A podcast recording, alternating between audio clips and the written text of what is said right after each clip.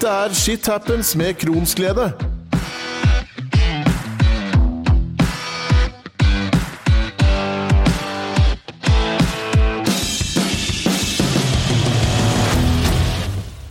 Ny uke har gått, og vi er klare for et nytt tema her hos meg. I dagens episode skal vi snakke om IBD og IBS, to begreper mange ikke forstår hva står for. Det er begreper som fort blandes, og mange mangler viktig kunnskap rundt disse bokstavene. Det skal vi prøve å gjøre noe med i dag. Jeg har fått med meg at det er flere og flere som får IBS som tilleggsdiagnose til sitt opprinnelige IBD-diagnose.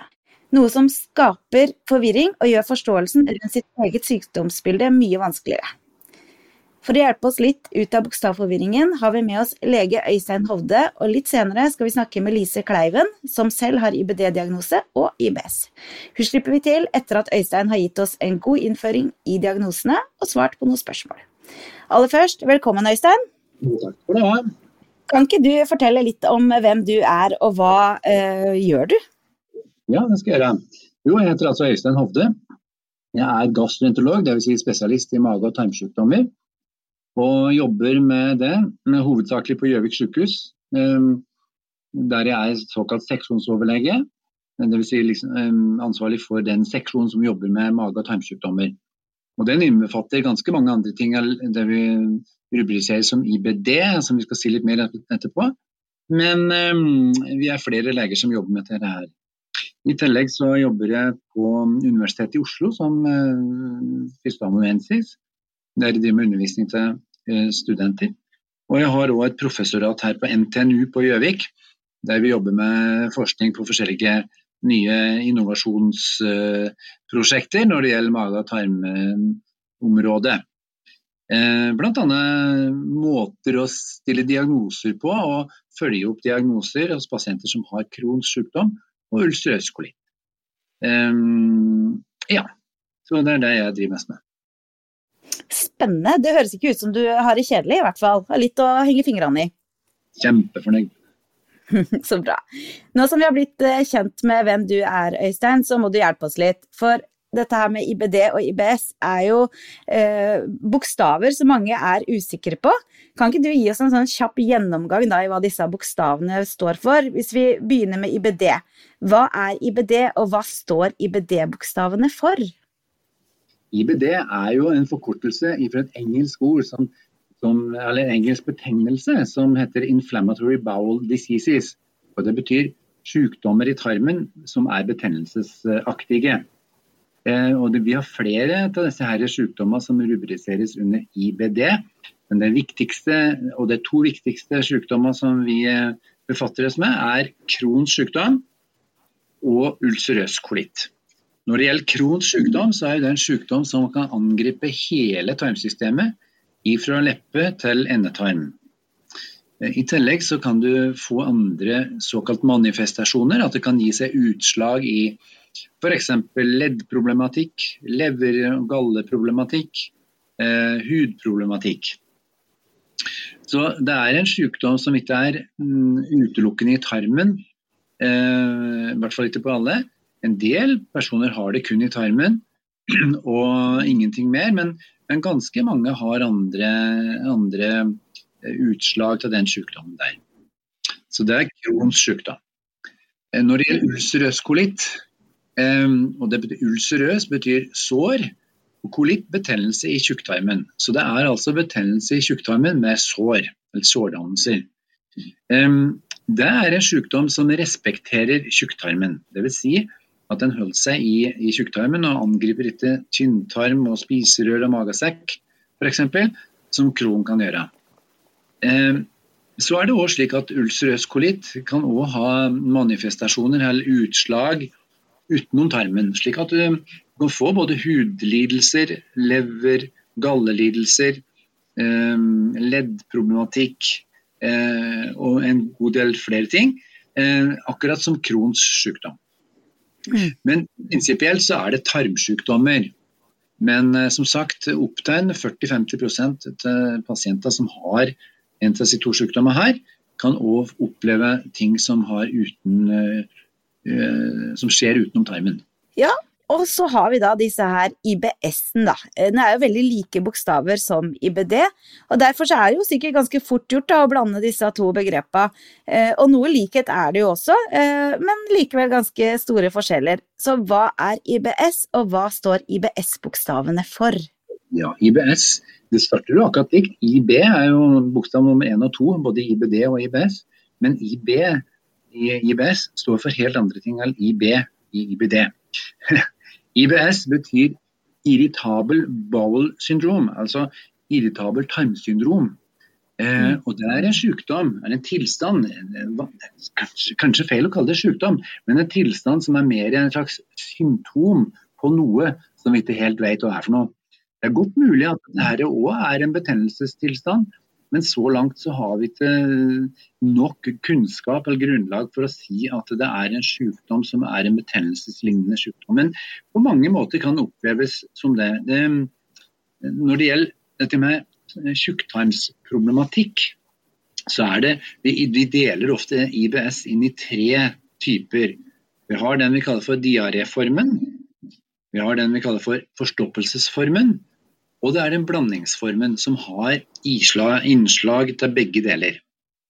Og um, I den vanlige befolkning, altså hos folk som ikke har Crohns sykdom og ulcerøs kolitt, eh, så er det en ganske vanlig lidelse. Det er eh, i hvert fall en 10-15% av den norske befolkning som har IBS. Eh, å stille den diagnosen, irritabel time syndrom, som vi kaller det på norsk, det kan være litt vanskelig. Det fins kriterier for det, noe som vi kaller for Roma-kriterier. Eh, som er en klinisk, eh, klinisk, måte å stille diagnosen på. Men som du egentlig har sagt litt før, Ida, så, så kan det være litt vanskelig å skille mellom IBD, altså kron, ulcerøs kolitt, og IBS. For eh, mange, ha, mange symptomer er ganske like. Det er ubehag i magen, det er løs avføring og slimete avføring. Men men aldri blod. Det skal ikke være blod i avføringen hvis du har en isolert IBS uten at du har IBD.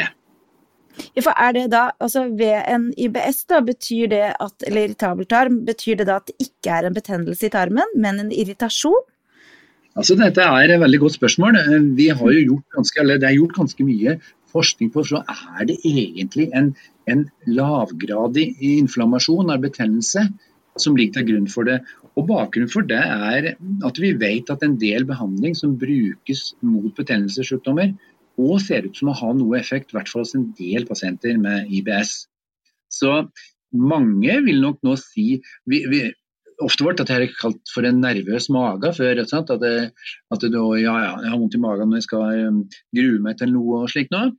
Um, og Det kan godt hende det er den samme sykdommen eller tilstand, men at vi er litt flinkere nå til å kalle det IBS.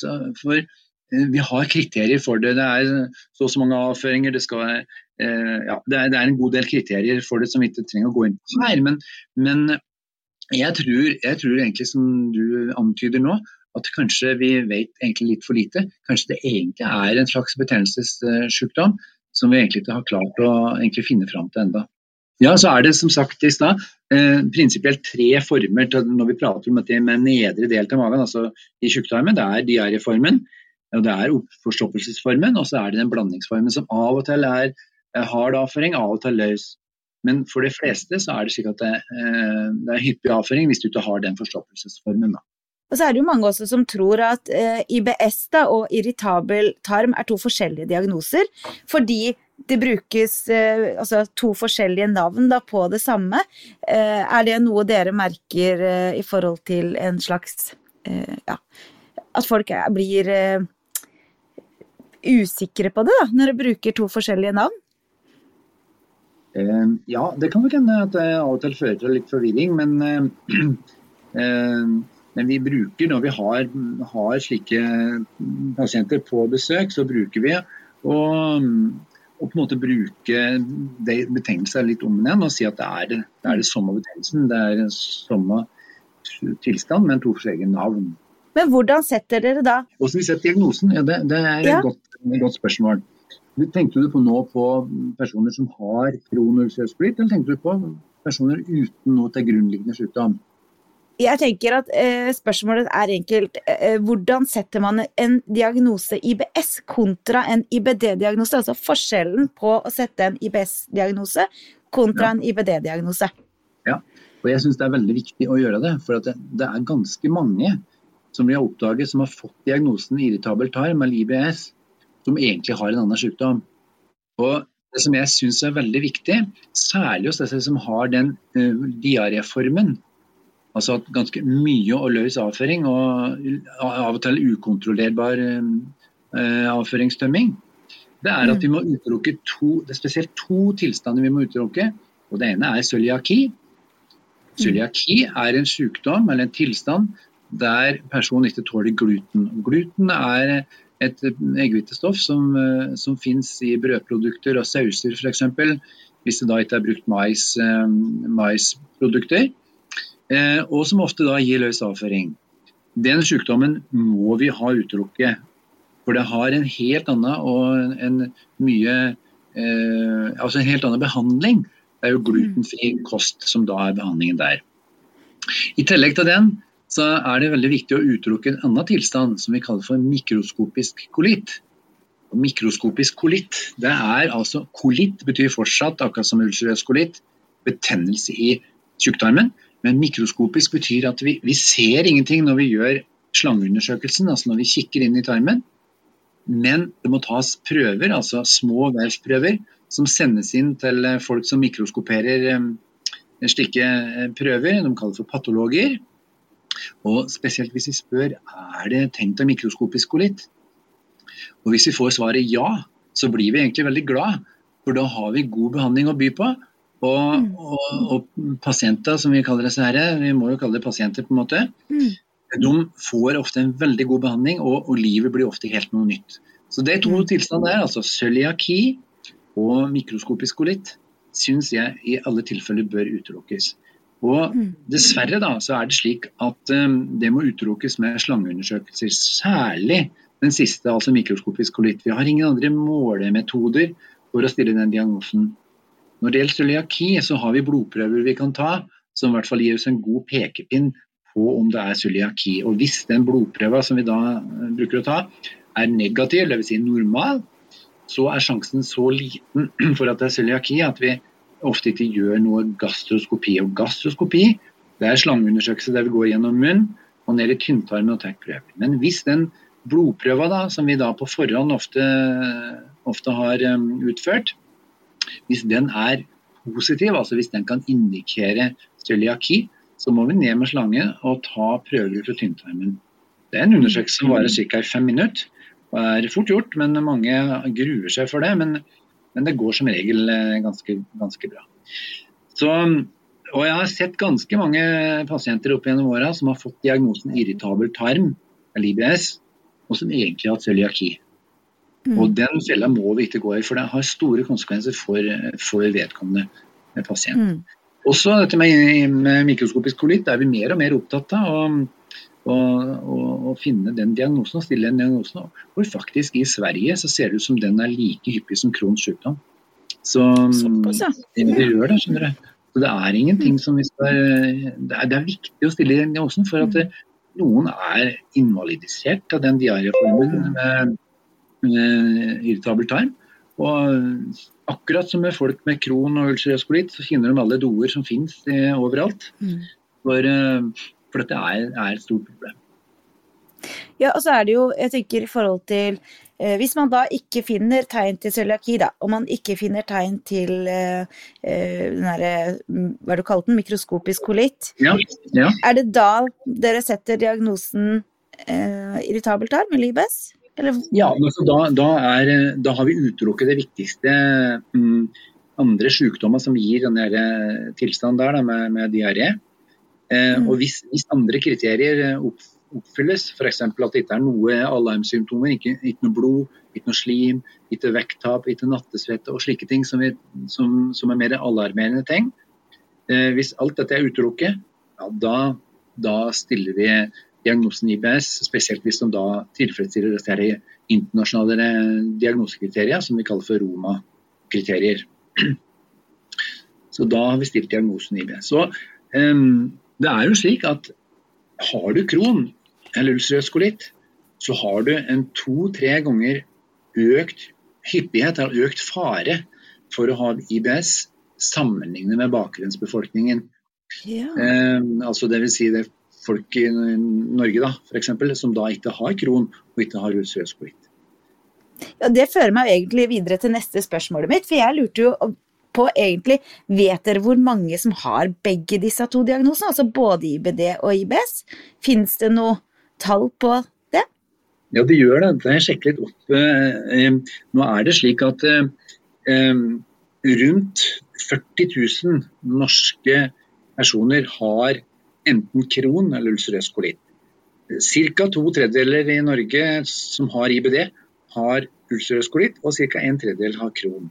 Så Det er mange tusen som har kron og uh, ulcerøs kolitt til en av delene.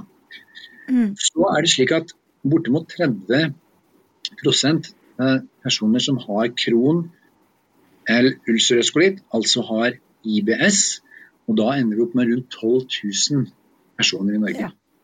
som har kombinasjonsdiagnosen. Det er jo ganske mange, da? Det er ganske mange. Ja, det er en liten by i Norge, det. Ja, ja absolutt. Ja. Mm. Jeg snakka jo med ganske mange kronikere, og én ting eh, flere har nevnt, er jo at både leger, pårørende og andre de snakker med, kan bruke ord eller setninger som ja, men det er jo bare en IBS, eller ja, ta, ta deg sammen, det er jo bare en irritabel tarm.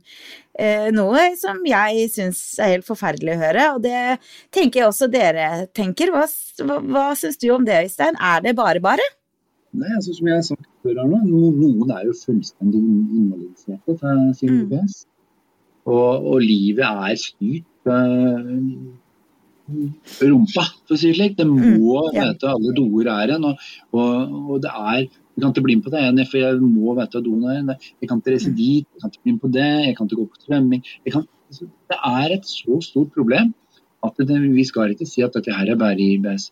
Eh, på den andre sida så kan en si at ok, det er ikke noe dødelig sykdom, men det er en veldig plagsom og ubehagelig tilstand for det som har det på det verste. Nå er det ikke slik at 12 000 personer med IBD har en alvorlig IBS, slik er det ikke. Men, men ganske så mange har det skikkelig nærmest invalidiserende. Altså. Vi vet jo at uh, eh, IBD oftest kreves en sammensatt og personlig behandling, der lege og pasient sammen finner ut det som funker best for den pasienten. Og Her er det jo da i stor grad medisiner som må til, men med IBS er det jo litt annerledes. Uh, hva er egentlig behandlinga for noen med IBS? Ja, det, det er òg noe som vi er, vi er, med på i Norge òg, når det gjelder utvikling og forskning på, på slike ting. Og, og um, særlig, på, særlig, på, noen av formene for IBS så begynner vi å få litt medikamenter å spille på. Men det er nok òg viktig å Særlig for de som har diaréformen, eventuelt den alternerende formen, at en kan bruke medikamenter som, stopper, som er et mer generelt stoppende medikament. Særlig når en skal ut på noe, noe passer det veldig dårlig hvis jeg må på do. Så Da kan du ta slike såpende medikamenter på forhånd. Så er det også slik at Noen medikamenter som brukes for helt andre ting, f.eks. depresjoner, har en bivirkning, eller skal vi si som de sier på engelsk, side effect, altså en, en, en effekt som er litt på sida. Nemlig at det har ofte en god effekt på, på tarmfunksjon. Så det er verdt å prøve, og kanskje det kanskje mest altså, litt eldre eh, medikamenter som ble i utgangspunktet brukt mot depresjoner. Og dette er ikke fordi at eh, IBS er noen depresjonssykdom, men at de medikamentene som brukes har en positiv effekt da, når det gjelder tarmen. Mm. Så, um, men som sagt, vi er i ferd med, og vi har jo òg et medikament på, på markedet som, som, mange med IBS uh, har god effekt av. Så um, det er ikke helt svart. Det er det ikke helt. Nei, det, og det er godt å vite, tenker jeg. Ja. Siden eh, disse symptomene da, som en har når en har både IBD og IBS er ganske like, eh, så er det jo til tider vanskelig da å vite om en har et oppbluss av sin IBD, eller om det er IBS-en som lager krøll. Hvordan skal man som pasient vite om det er åh, nå er det Kronsen, eller ulcerøs kolitten, eller nå er det eh, den irritable tarmen. Har du noen tanker rundt det? Når skal vi heise det røde flagget og ringe og si at nå trenger vi hjelp? Det er viktig å heise det røde flagget hvis du ser blod og krim i avføringen. Da er det eh, en indikasjon på at her er det hovedsakelig IBD som, som på en måte er hovedårsaken. Men hvis du ikke har det, så kan det fortsatt være IBD. Men det som, vi, som Norge har vært et foregangsland i, i, verden, det er å bruke det vi kaller for kaldprotektin, eller fekaltest. En avføringsprøve som, som enten kan analyseres eh, hjemme hos deg sjøl hvis du har, eh, har, eget analyseapparat, eller sendes inn, slik at vi kan få en indikasjon på om du har et eggehvitestoff i, i avføringen. Alle har den, den typen eggehvitestoff som heter kalprotektin. Men hvis du har over et visst nivå, og da er det ofte slik at den enkelte person er sin egen kontroll. altså Noen ligger på, mm. på 50, noen på 200 kanskje. Men hvis det plutselig er 2000, liksom en mm. veldig stigning der, så er det tegn på at dette er, er IBD-sykdommen som, som, er hovedproblemet. Hvis du har disse symptomene som du beskrev her nå, eh, og du har en helt normal eh, avføringsprøve når det gjelder den kaldprotektinprøve, ja, da kan du være mer sikker på at det er IBS-en. Særlig hvis du har ulcerøs kolitt. Men hvis mm. du har, bare for å komplisere det litt, da, hvis du har Crohns sykdom som hovedsakelig angreper tynntarmen, mm. så er det litt mindre å stole på akkurat den kaldprotektinundersøkelsen. Men ofte ser vi en liten bevegelse der òg, at du får en økning selv om det er i tynntarmen. Men hvis du enten har ulcerøskolitt, eller du har Crohns sykdom som òg angriper tjukktarmen, og du øker i kaldprotektin, i hvert fall en betydelig økning, ja, da kan du være nokså sikker på at her er det IBD som er hovedproblemet, og ikke IBS. Og motsatt. Jeg kan jo, sånn i forhold til, jeg har jo Kronsen, eh, og når jeg får et oppbluss der, så får jeg alltid feber. Eh, hvordan er det med en eh, IBS, da? Får man feber av IBS? Nei, vanligvis ikke. Du, det, det er, selv om vi tror det kan være en betennelsessykdom, kanskje, så, så er det ikke normalt å få feber ved, ved IBS-symptomøkning. altså. Så det også kan jo være noe å indikere, da? Ja, og når det gjelder smerter, så er det kanskje et bra mål når det gjelder pasienter med kron. Men det er ganske mye mer uvanlig å ha smerter når du har ulcerøs kolitt. Så hvis du er så skal vi si, heldig da, eller uheldig eller skal si, å ha kron, så kan nok det òg være noe å bygge på. Men det er ikke alle som har smerter ved et oppbluss ved kronen. Altså. Så det er litt avhengig av hvor mye, mye nevring i tarmen du har, og mye betennelses... Um, altså området du har, og langt der. og Det, det er mange forskjellige parametere der, så det er, det er veldig individuelt. dette Mm. Mm. Og det er noe vi har snakka om mange ganger før i den podkasten, at her er det ikke noe fasit. Da. Alle er vi forskjellige, og at her er det på en måte Det er kanskje det aller viktigste å vite om, at eh, ja, vi er forskjellige. Ja, og at den enkelte er sin egen eh, kontroll. Mm, er det unormalt utover det som bruker å være, så er det unormalt. Selv om, mm. om hos andre ville det være normalt. Jeg er veldig opptatt av å gi kronikere hurtig tilgang til andre kronikere som har god kunnskap om å mestre livet sitt med sykdom. For kunnskapen som deles fra kroniker til kroniker, kan jo være med på å gi en person håp og troa på et godt liv på tross av sykdom. Hvor viktig er det å behandle hele mennesket, mener du? Jeg mener det er veldig viktig å behandle hele, hele personen, eh, uansett hvilken sykdom du har. For mm. og så er det noe som jeg har tenkt over, og som jeg sier veldig ofte til pasienter. Ok, du har kron eller du har ulcerøs kolitt, men det er ikke slik at alt som skjer med deg er ulcerøs kolitt eller kronrelatert. Du òg kan få andre sykdommer, eller du òg kan få andre tilstander. Så det er ikke slik ja, det er sikkert bare kronen.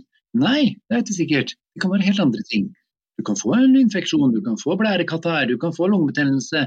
Altså Det går an å få andre ting sjøl om du har en, en, en sykdom. Det gjelder om du har leddgikt, og det gjelder om, om du har cøliaki. Altså, uansett. Så det er, det er, vi må ta ting på alvor, ikke bare feie unna og si at det, er bare kronen eller ulcerøskolitten eller IBS-en.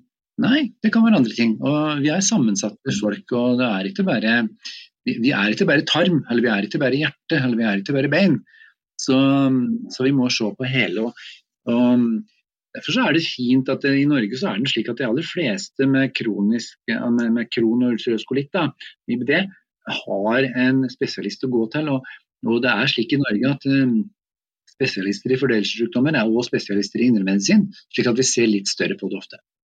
Der er det litt forskjellig fra land til land, faktisk. og eh, Noen plasser er det ikke gastroenterologer, altså mage- og tarmdoktorer, som har hovedansvaret. Jeg kan jo diskutere i Norge òg, vi har jo veldig godt samarbeid med fastleger. Men, men allikevel, de fleste har en poliklinikk eller en spesialist som de har å forholde seg til eh, ved spørsmål og, og mulighet, eller behov for kontakt. Mm. Og det er jo kjempe, kjempeviktig. Men vi er ikke bra nok. Vi, er, vi, kan absolutt forbedre oss i Norge. Altså, det er ikke slik at vi er på verdenstoppen, men, men, jo, vi er på verdenstoppen når det gjelder forekomst. Det er det. Mm. Men uh, vi prøver å strekke oss og prøve å være så bra som mulig, men uh, alt kan bli verre. Så det er i hvert fall et godt utgangspunkt. Det å si at ja, vi er bra i mye, men at man kan bli bedre, det kan alle bli. Så jeg tenker at det, det er jo et kjempeviktig utgangspunkt i eh, framtida. Før vi eh, runder av, så er det én ting som jeg har lyst til å prate om. Eh, nemlig en behandling mot IBS som har vært mye framme i media. En behandling som kan høres ganske ekkel ut, men som for mange har gitt dem et nytt liv. Eh, Øystein, transplantasjon av avføring fra en frisk person er det vi leser i media. Men jeg regner med det er litt mer sammensatt enn det, så forklar oss. Ja, bakgrunnen for den behandlingen der du bruker ordet transplantasjon, og mange gjør det. Jeg kaller det for, ofte for inokulasjon, for jeg syns ikke avføring er organ på den måten der som vi prater om med transplantasjoner. Men det det være. Vi kan kalle det transplantasjon eller inokulasjon. Eh, det er en behandling som nå begynner å bli ganske mange år gammel. Og Bakgrunnen for det er at mange eh, eldre særlig pasienter med en spesiell betennelse i tarmen som vi kaller for clostridium difficile, som kan være en det er en oppbluss av en bakterie som er der, men som er der i liten grad. Men som f.eks. med bruk av antibiotika eller dårlig pasient på andre måter kan få overtaket. Og slik at den, den bakterien i tarmen gir eh, en plagsom og alvorlig diaré.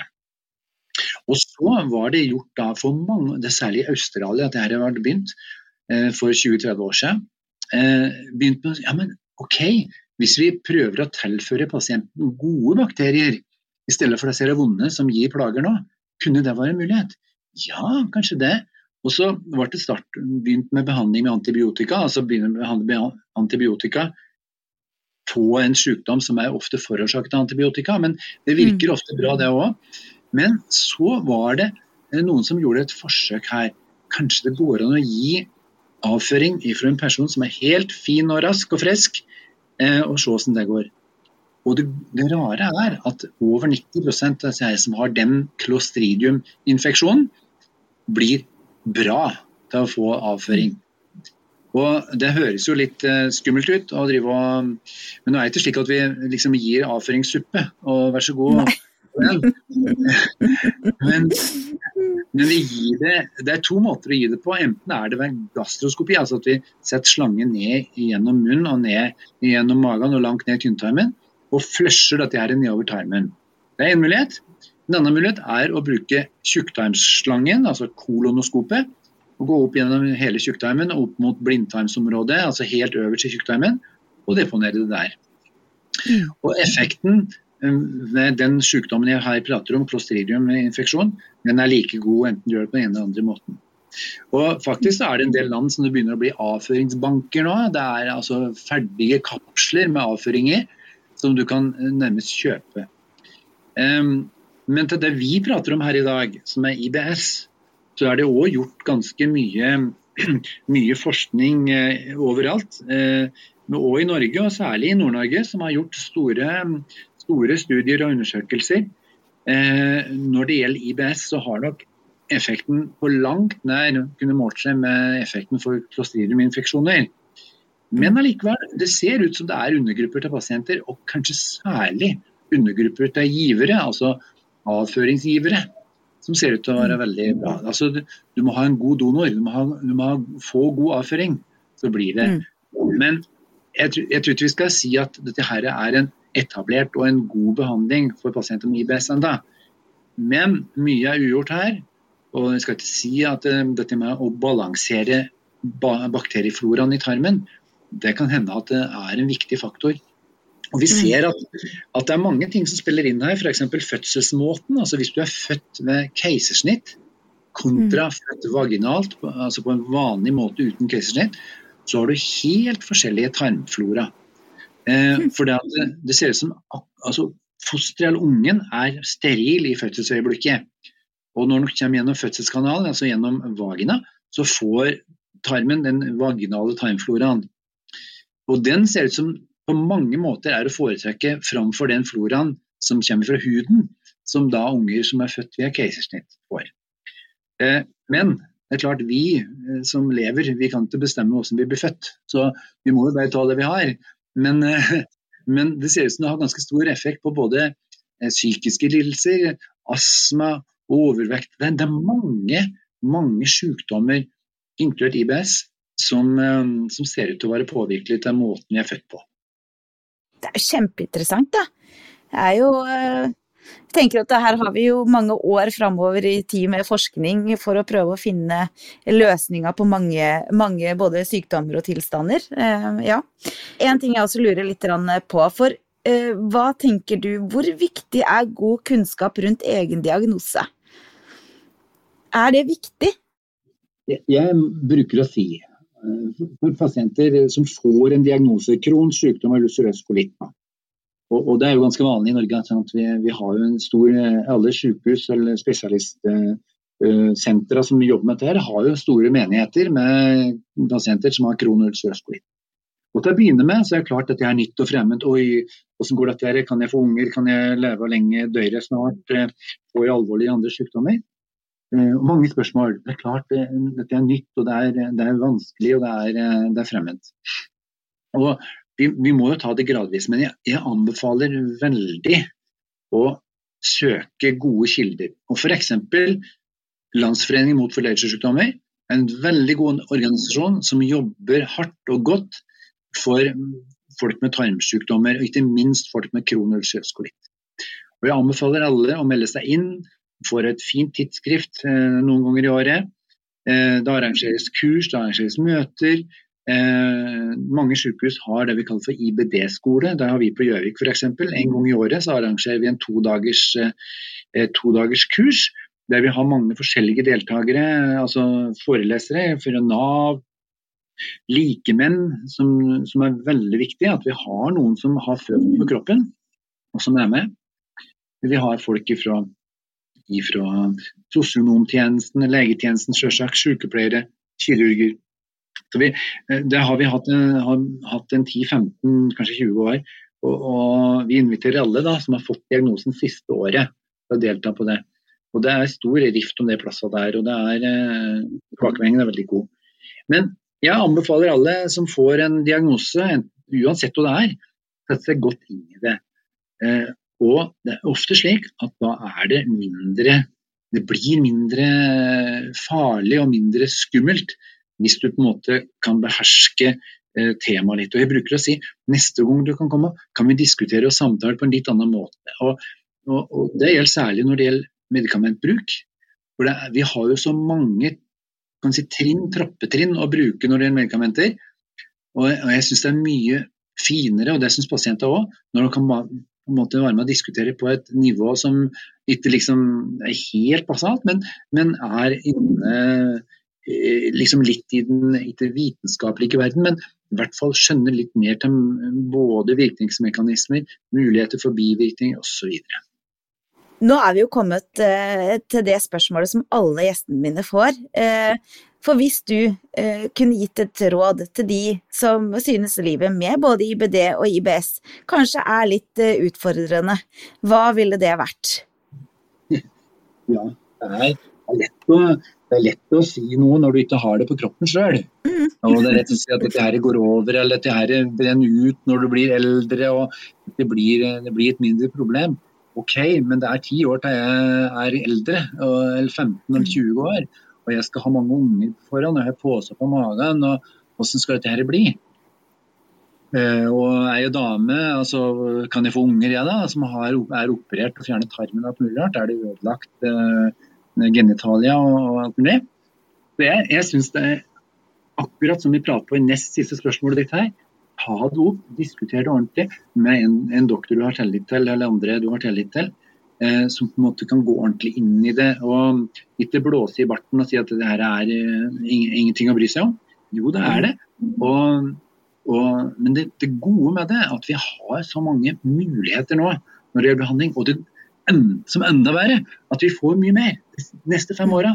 Vi har så mange ting nå som ligger like i horisonten her nå når det gjelder behandling. og jo flere angrepspunkter, jeg, jeg, bruker å kalle det det, for det er så mange mekanismer når det gjelder kronulcerøs kolitt som vi vet altfor lite om. Men vi har noe vi kaller for interleukiner og TNF-alfa, og det er mye forskjellig. Og jeg ser fram til den dagen vi kan ha en helt individuell behandling. Der vi kan si at OK, du vil ha glede av den typen behandling. Du vil ha glede av en helt type, annen type behandling, selv om du har samme sykdom. Mm. Så jeg vil nå fortsatt si roll ut. Og hvis det er slik at du må opereres, og det er ikke så helt sjelden men folk må opereres, så er ikke det verdens undergang. Hvis du har kron, så er det ofte å fjerne litt av tarmen, men mm. å få utlagt tarm. Er du ulcerøs kolitt, så kan det hende at det blir aktuelt med utlagt tarm, og ca. kanskje 10% gjennom hele livet. Men likevel, de fleste med utlagt tarm har hatt det såpass plagsomt på forhånd at det var en lettelse, og mange sier for jeg gjorde dette før.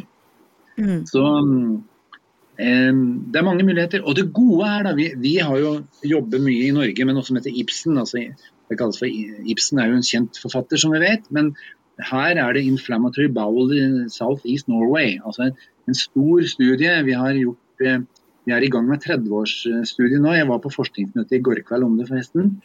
Um, og Der vet vi at hvis du har Crohns sykdom, eller du har ulcerøs kolitt i Norge, så vet vi at ifra du får diagnosen og de neste 20 åra, du lever altså du dør, Det er ingen, ikke noen flere dødsfall i den gruppa. Og det er ikke noen flere krefttilfeller i den gruppa. Mm. I hvert fall etter 20 år. Vi kan ikke si det lenger ennå, mm. Men det skal vi snart få svar på. Så det er oppløftende nyheter. Altså 20 år mm. kan være litt plagsomt og noe svineri, men du lever like lenge og får ikke mer kreft. Det er jo veldig gode ting å ha med seg. Jeg tenker at uh, jeg er en av de som er veldig opptatt av at vi må leve uh, så godt vi kan med den sykdommen vi har. Vi, vi har nå fått dette her, og da må vi prøve å gjøre så godt vi kan ut av den situasjonen vi har. Uh, Øystein, tusen takk for at du har gitt oss en bedre forståelse og kunnskap rundt både IBD og IBS. Jeg må jo si at du er utrolig flink til å gi informasjon på en forståelig og fin måte. Det setter jeg utrolig pris på, og alle som lytter. Tusen hjertelig. Så god. Nå har vi fått masse nyttig og god informasjon av Øystein Hovde, og hva passer vel bedre da enn å avslutte med en prat med Lise Kleiven, som selv har IBD og IBS. Velkommen til deg, Lise. Tusen takk. Du, før vi starter, kan ikke du fortelle litt om hvem du er? Uh, ja, jeg er uh, en uh, mor til to store barn som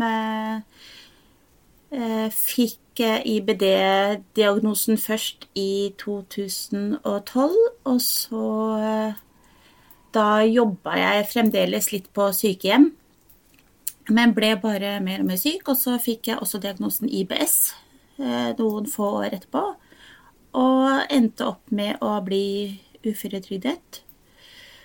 Eh, hvor gammel er du? Jeg er nå 48. Ja, og så Hvilken av IBD-diagnosene har du? Eh, jeg har ulcerøs kolitt. Ja. Eh, det vil si, eller jeg har ulcerøs proktitt, da. For jeg mhm. har betennelsen i endetarmen. Så det, ja. ja. Det er sånn som er litt, eh, litt greit å vite. Ja. Jeg tenker at vi går rett på sak. Når, du, når fikk du første gang høre ordet IBS eller irritabel tarm, da, sånn i forhold til deg selv? Eh, det var rett og slett eh, når jeg lå på sykehus og hadde veldig oppbluss av ulcerøs kolitten. Eh, og så hadde, vi, hadde jeg jo sånn koloskopi. Og så da var det en annen lege på vakt enn han jeg pleier å ha.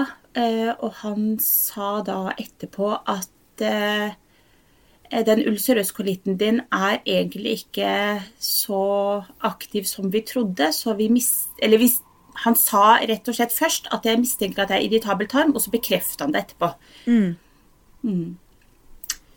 Eh, og at da mye av mine plager var jo veldig like eh, det å ha IBD. Men mm. da sa han at det er veldig vanlig å få også den andre etter en stund, og det fikk jeg jo. Ja. Hva føler du egentlig er den største forskjellen på de to diagnosene? Ja, Det er egentlig veldig stor forskjell. fordi For det første så er det veldig forskjell på smertene og varigheten av smertene, og veldig forskjell i forhold til eh, hvor sliten jeg er, og hva jeg spiser. Mm. Mm. Mener du, eh, Føler du at du kan eh, har du, har du, Er det lettere å ha kontroll på IBS-en enn IBD-en? Eller er det motsatt? Jeg vet egentlig ikke. Det er litt sånn opp og ned. Det, det spørs rett og slett hvor, uh, hvordan hverdagen min er. Hvor mm. mye stress og mas det er, egentlig. Ja. Mm. Det påvirker det veldig. Ja. Og det er jo eh, videns kjent, dette her med at eh, magen vår den eh, reagerer godt på stress og på både hvordan vi har det mentalt og også fysisk. Sånn at mm. Magen setter det seg gjerne først på. Ja, og jeg merker det vel kanskje fort om det er IBS eller IBD i forhold til hva jeg har spist. Mm.